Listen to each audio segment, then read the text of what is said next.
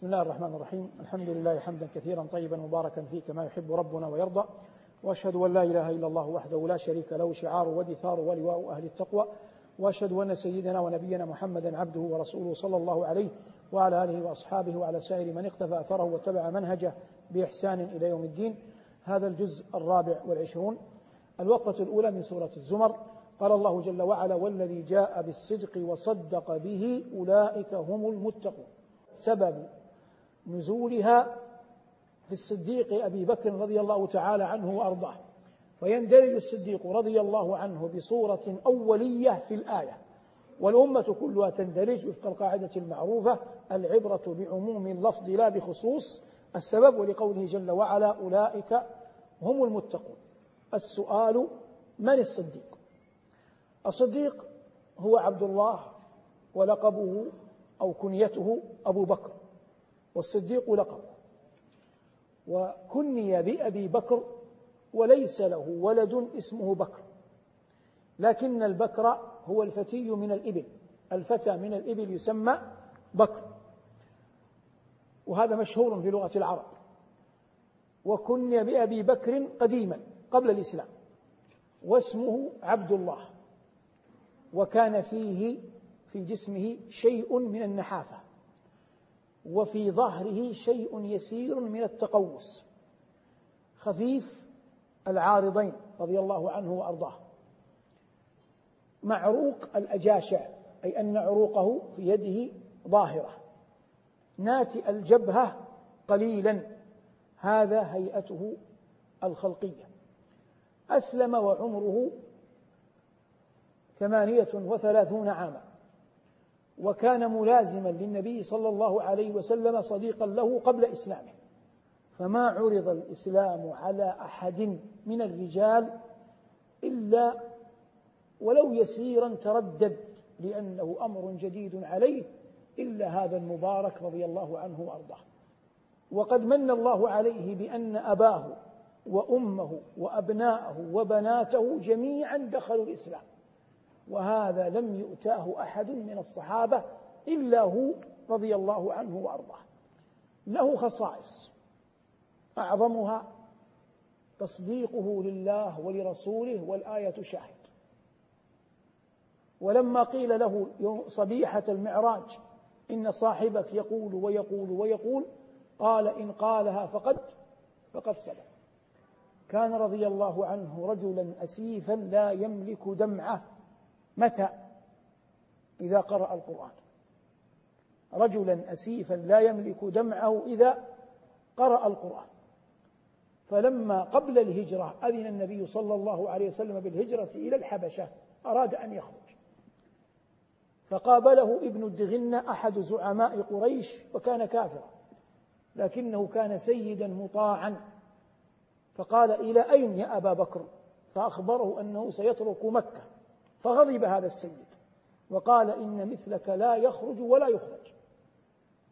فقبل الصديق أن يدخل في جواره فقام هذا الرجل في أندية قريش يخبرهم أنني قد أجرت أبا بكر وكان سيدا مطاعا فقبلت قريش جواره. فسكن معه واتخذ بيتا فلما اتخذ بيتا كان يخرج إلى ساحة بيته.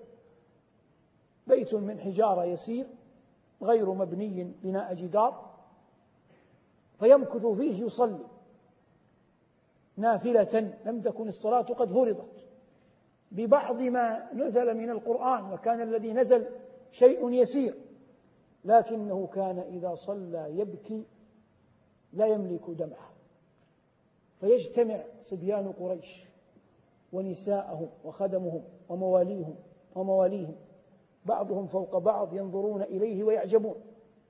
فخافت قريش أن هذا يغير قلوب الناس على الدين. فلجأت إلى ابن الدغنة ونهته عن هذا الجوار.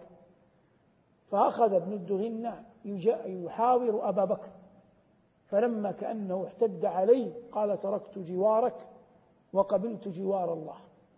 فأبدله الله أن النبي صلى الله عليه وسلم عرض عليه عرض عليه الهجرة فهاجر مع نبينا صلوات الله وسلامه عليه. اختفى مع النبي عليه الصلاة والسلام في الغار. فأنزل الله بعدها في العام التاسع من الهجرة قوله جل وعلا إلا تنصروه. فقد نصره الله. ثاني إذ أخرجه الذين كفروا. ثاني اثنين إذ هما في الغار. إذ يقول لصاحبه لا تحزن إن الله معنا. فأنزل الله سكينته عليه وأيده بجنود لم تروها. جمهور أهل التفسير على أن المراد فأنزل الله سكينته أنها نزلت على الرسول صلى الله عليه وسلم. وعندي أن هذا خلاف الصحيح.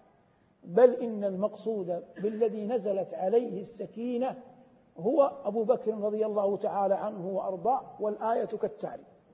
الآية أصلا تخبر من خذل النبي صلى الله عليه وسلم بأن الله يقول إن لم تنصروا نبيكم في ساعة العسرة فالأصل أنني أبتليكم بالنصرة وإلا فالنبي أنا قد نصرته في موضعين اثنين الموضع الأول عندما كان في الغار والموضع الثاني عندما كان في بدر. هذا معنى اثنين. وأما التفصيل فكالتالي. إذ أخرجه الذين كفروا ثاني اثنين أي هو وصاحبه إذ هما أي الاثنان في الغار. إذ يقول من الذي يقول؟ النبي عليه الصلاة والسلام. لصاحبه من؟ صاحبه أبو بكر. لا تحزن.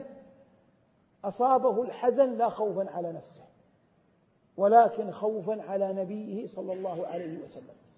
وقال له نبيه إن الله معنا وهذا سبب دفع الحزن.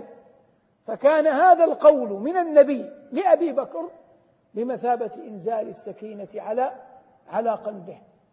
لأن السكينة كانت على النبي صلى الله عليه وسلم قد حلت قبل قبل دخوله الغار. ولهذا لم يصبه الحزن ولم يخشى إنما الذي أصابه الحزن وكان في حاجة ملحة إلى السكينة هو أبو بكر رضي الله عنه فأنزل الله سكينته عليه. ثم قال الله وهذه الواو استئنافية تفصل ما قد سلف وأيده بجنود لم تروها. متى هذا؟ لا علاقة له بالغار انتهى الخطاب عن الغار هذا كان يوم بدر. الجند هنا هم الملائكة. وأيده بجنود لم تروها فالملائكة نصرت النبي يوم بدر دون أن تراها من؟ الملائكة. لأنه بالعقل الله يقول يخاطب المؤمنين. وأيده بجنود لم تروها. لا يقال لم تروها إلا مع إمكان مع إمكان الرؤية. يعني أنتم حاضرون بدر والملائكة نزلت وأنتم لم تروها. أما لو كانت كما قال أهل التفسير أنها عائدة إلى الغار هذا محال. لأنه بديهي أن المهاجرين والأنصار لم يروا شيئا يوم الغار لأنهم لم يكونوا لم يكونوا موجودين فلا يكلفون أن يروا الجنود. أما إذ قال قائل إن المقصود كما قال بعض المفسرين أنه بيض الحمام وبيت العنكبوت فهذا أدهى من الأول لأن بيض الحمام وبيت العنكبوت يرى لا يسمى جنودا لم ترى, لم ترى لأنها ترى بالعين. وإن قلنا بوجود بيض العنكبوت بيض الحمام وبيت العنكبوت على قول من قال فهذه على وجودها فهذا شيء يرى بالعين. والله يقول وأيده أي النبي بجنود لم تروها وكان هذا يوم بدر. فجملة الآية أن الله يخبر المؤمنين في ساعة العسرة أنني نصرت نبي في موقفين. في موقف الغار يوم أن دب الحزن إلى صاحبه فثبته الله وثبت صاحبه بإنزال السكينة. والموقف الآخر يوم بدر يوم أن كان قليلا فأيده الله جل وعلا بالملائكة جندا من عند الله شهدوا المعركة ولم يرهم ولم يرهم أحد. هذا موقف. لكن أبا بكر في تاريخنا الإسلامي ما أنصفه الناس.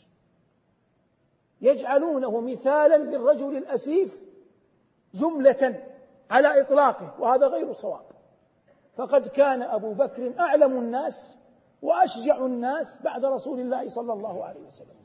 ومن الأدلة على هذا أنه لما مات رسول الله صلى الله عليه وسلم كان أبو بكر في الصلح فلما قدم أي عوالي المدينة دخل على بيت عائشة بوصف أبيها فوجد النبي صلى الله عليه وسلم ميتا فعلم أنه ميت فقبله بين عينيه وقال طبت حيا وميتا يا رسول الله وأخذ يبكي.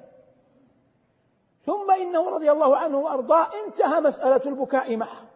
وتفرغ للأمة وخرج إلى المسجد. فوجدهم يموج بعضهم في بعض ما بين متوقف وما بين منكر وما بين مصدق. وقال اسكت يا عمر فلم يجبه.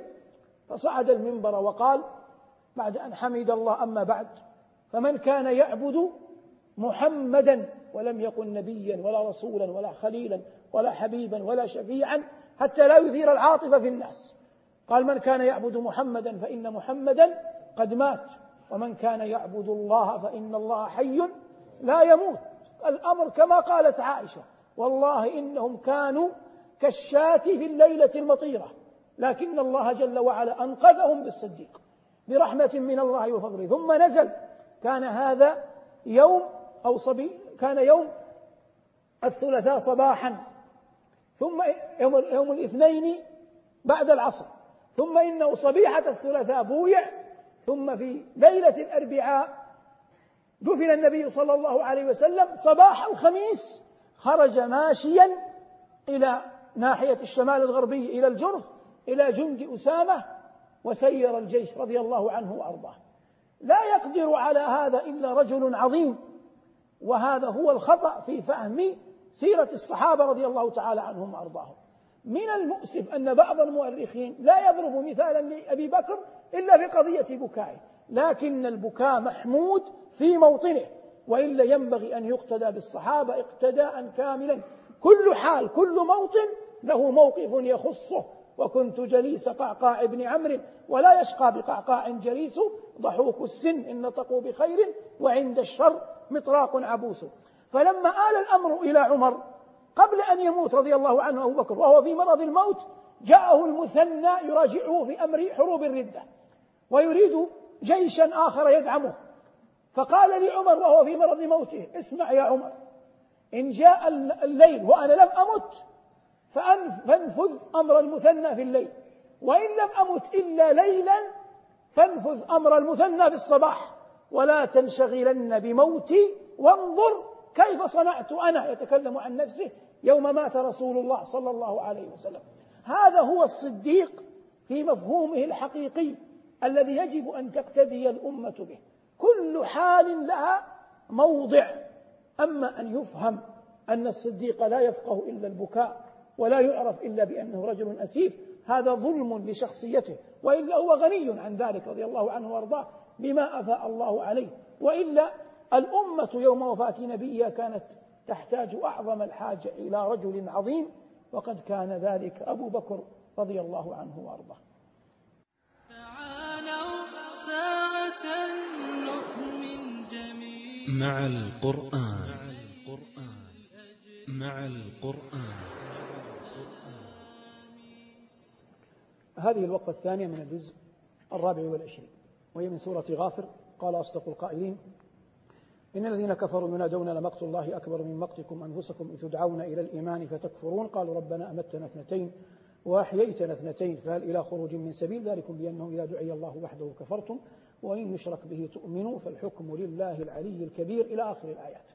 يخبر الله جل وعلا عن حال أهل الإشراك يوم يلقونه ويخبرهم أن ما نجم من خسرانهم لأنفسهم ليس بشيء أمام ما مقتهم الله جل وعلا به.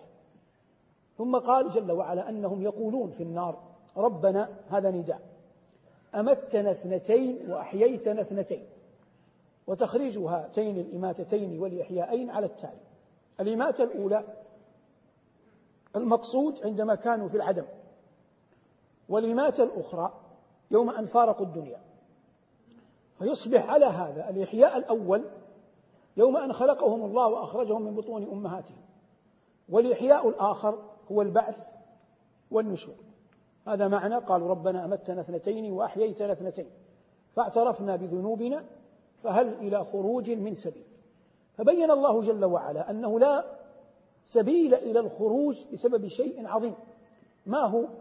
ذلكم بأنه إذا دعي الله وحده كفرتم وإن يشرك به تؤمن أولياء الله. لا تقر أنفسهم بحديث كما تقر بالحديث عن الله. ولا يشعرون بالطمأنينة في قول كما يشعرون بأحد يحدثهم عن ربهم جل وعلا.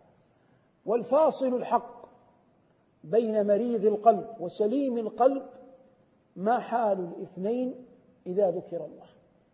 قال الله وإذا ذكر الله وحده اشمأزت قلوب الذين لا يؤمنون بالآخرة. وإذا ذكر الذين من دونه إذا هم يستبشرون. نسأل الله العافية. فحتى يسعد قلبك لا بد أن يكون قلبك يحب الحديث عن الله. من هذا المفهوم القرآني نقتبس نستل أن أسعد الخطباء حظا بخطبته يوم القيامة من إذا رقي منبر عرف العباد بربهم جل وعلا ولم يشغلهم بقضايا لا سبيل لهم بها لا يخاطب بالقضايا العامة العامة وإنما يخاطب بها أهلها وصناع القرار ومن يقدر عليها. أما العامة فالأصل في خطابهم ما يعينهم على تعظيم ربهم جل وعلا في قلوبهم. ذلكم بأنه إذا دعي الله وحده كفرتم وإن يشرك به تؤمنوا فلما وقع منكم ذلك ذكر بعض ما تمدح به جل وعلا قال هو الذي يريكم آياته وينزل لكم من السماء رزقا وما يتذكر إلا من ينيب. فادعوا الله مخلصين له الدين. ولو كره الكافرون إلى أن قال هو الحي لا إله إلا هو. الحي اسم من أسماء الله الحسنى. ويقال في تعريفه أن الله حي حياة لم يسبقها عدم ولا يلحقها زوال. حي حياة لم يسبقها عدم ولا يلحقها زوال. وكل أحد سبق حياته عدم ويلحق حياته زوال. وكل أحد يسبق حياته عدم سبق حياته عدم ويلحق حياته زوال والله جل ذكره لم يسبق حياته عدم ولا يلحق حياته زوال. هو الحي لا إله إلا هو. فادعوا الله مخلصين له الدين. ولو كره الكافرون رفيع الدرجات اختلف في معناها. فقال بعض العلماء أنه يمن على بعض عباده بأن يرفعهم درجات. وهذا عندي أقرب المعاني إلى هذه الألفاظ القرآنية. رفيع الدرجات ذو العرش. ذو بمعنى صاحب. أي مالك العرش المستوي على العرش. والعرش سرير ذو قوائم تحمله الملائكة. والدليل أنه تحمله الملائكة قول الله ويحمل عرش ربك فوقهم يومئذ ثمانية. والدليل أن له قوائم. أن النبي صلى الله عليه وسلم قال فأكون أول من ينشق عنه القبر فإذا بموسى آخذ بقوائم العرش.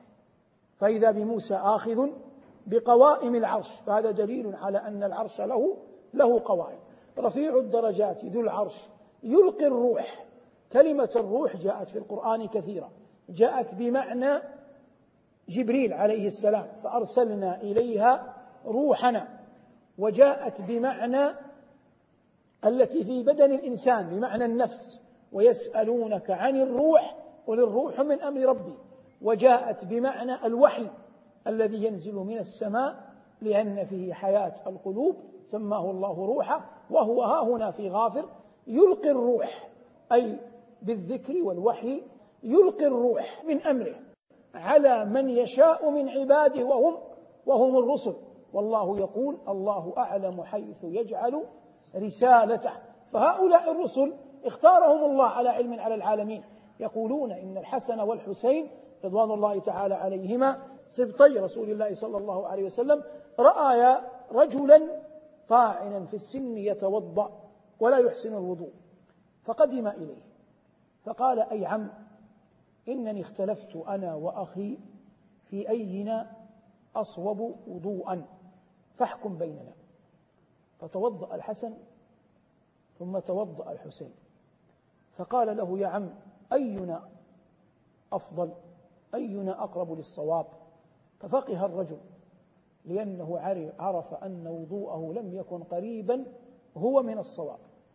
فقال فقهتما ما تريدان؟ من أنتما؟ فقال الحسن والحسين سبط رسول الله صلى الله عليه وسلم فقبل ما بين أعينهم وقال أو وتلا الله أعلم حيث يجعل رسالته. فأنبياء الله اختارهم الله. لهنا قال جل وعلا يلقي الروح من أمر على من يشاء من عباده. ثم جاء بلام التعليم لينذر والإنذار الإعلام المصطحب المقترن بالتهديد. لينذر يوم التلاق. سمى الله جل وعلا يوم القيامة بيوم التلاق. لما؟ تلتقي فيه الجن والإنس يلتقي فيه الإبن بآبائه والأب بأبنائه يلتقي فيه العباد بربهم يلتقي به الكافر بالمؤمن يلتقي فيه الخلائق كلهم. لينذر يوم التلاق. أي يوم يا رب؟ يوم هم بارزون يعني ظاهرون. ما يقال في المعركة مبارزة. مبارزة لأن هذا يخرج من الصف وهذا يخرج من الصف فيصبح كلاهما ظاهر. فهذا معنى البروز. يوم هم بارزون. لا يخفى على الله منهم شيء على كثرة عددهم واجتماع أجسادهم وتلاحم بعضهم من بعض. لا يخفى على الله منهم شيء. لمن الملك اليوم؟ فيجيب نفسه بنفسه. لله الواحد القهار. آمنا بالله الواحد القهار. هذه الوقفة الثانية. تعالوا ساعة نؤمن جميعا. مع القرآن. مع القرآن. هذه الوقفة الثالثة وهي من سورة فصلت عند قول الله جل وعلا قل أئنكم لتكفرون بالذي خلق الأرض في يومين وتجعلون له أندادا ذلك رب العالمين. هنا رب العالمين يقول بعد أن رأى هؤلاء ينصبون الأنداد التي لا تنفع ولا تضر ويجعلونها الأصنام ويجعلونها أندادا يعبدونها من دون الله. قال جل وعلا قل أئنكم لتكفرون بالذي خلق الأرض في يومين وتجعلون له أندادا. ذلك رب العالمين. وأخبر جل وعلا أنه خلق الأرض وبارك فيها وقال وقدر فيها أقواتها في أربعة أيام سواء للسائل. سنقف الآن وقفات إيمانية حول هذه الآيتين. الوقفة الأولى في ضمن الوقفة الثالثة لما خلق الله الأرض جعل التميد كما في حديث حسن. فخلق الله الجبال رواسي لها. فتعجبت الملائكة فقالت أي رب هل في خلقك خلق أعظم من الجبال؟ قال الله نعم الحديد. قالت الملائكة أي رب هل في خلقك ما هو أعظم من الحديد؟ قال الله نعم النار. قالت الملائكة أي رب هل في خلقك ما هو أعظم من النار؟ قال الله نعم الماء. قالت الملائكة أي رب هل في خلقك أعظم من الماء؟ قال الله جل وعلا الريح لأنها تحمل السحاب. قالت الملائكة أي رب هل في خلقك؟ ما هو أعظم من الريح؟ قال رب العالمين نعم ابن آدم. يتصدق بصدقة فيخفيها حتى لا تعلم شماله ما تنفق يمينه. هذا من أعظم القرائن على عظمة العمل الصالح. فالإخلاص عزيز وإخلاص العمل لله ليس ليس أبدا بالشيء اليسير. فيلزم المرء يحتاج المؤمن إلى الكثرة من الأوبة والتوبة والاستغفار وسؤال الإخلاص ومجاهدة النفس. هذا ما يتعلق بالجبال. لما قال الله وجعل فيها رواسي من فوقها. وأما السماء والأرض فقد قال بعض العلماء إن لكل أحد من بني آدم باب في السماء. ينزل منه رزقه ويصعد من إلي منه عمله. ينزل منه رزقه ويصعد منه عمله. فإذا مات ابن آدم أقفل هذا الباب لأنه بالموت انقطع الرزق وبالموت وفي العمل. فلا يصعد عمل ولا ينزل رزق. فإن كان العبد عبدا صالحا بكى هذا الباب عليه لفقده للعمل الصالح الذي يعبر من خلاله. قالوا والعلم عند الله. هذا معنى قول الله جل وعلا فما بكت عليهم السماء والأرض وما كانوا منظرين. قال ربنا هنا في هذه الآيات وزينا السماء الدنيا بمصابيح وحفظ ذلك تقدير العزيز العليم. فجعل هذه النجوم زينة وحفظا وقال في آية أخرى وعلامات. فأصبح هذه النجوم ظاهر القرآن أنه محصور بثلاث.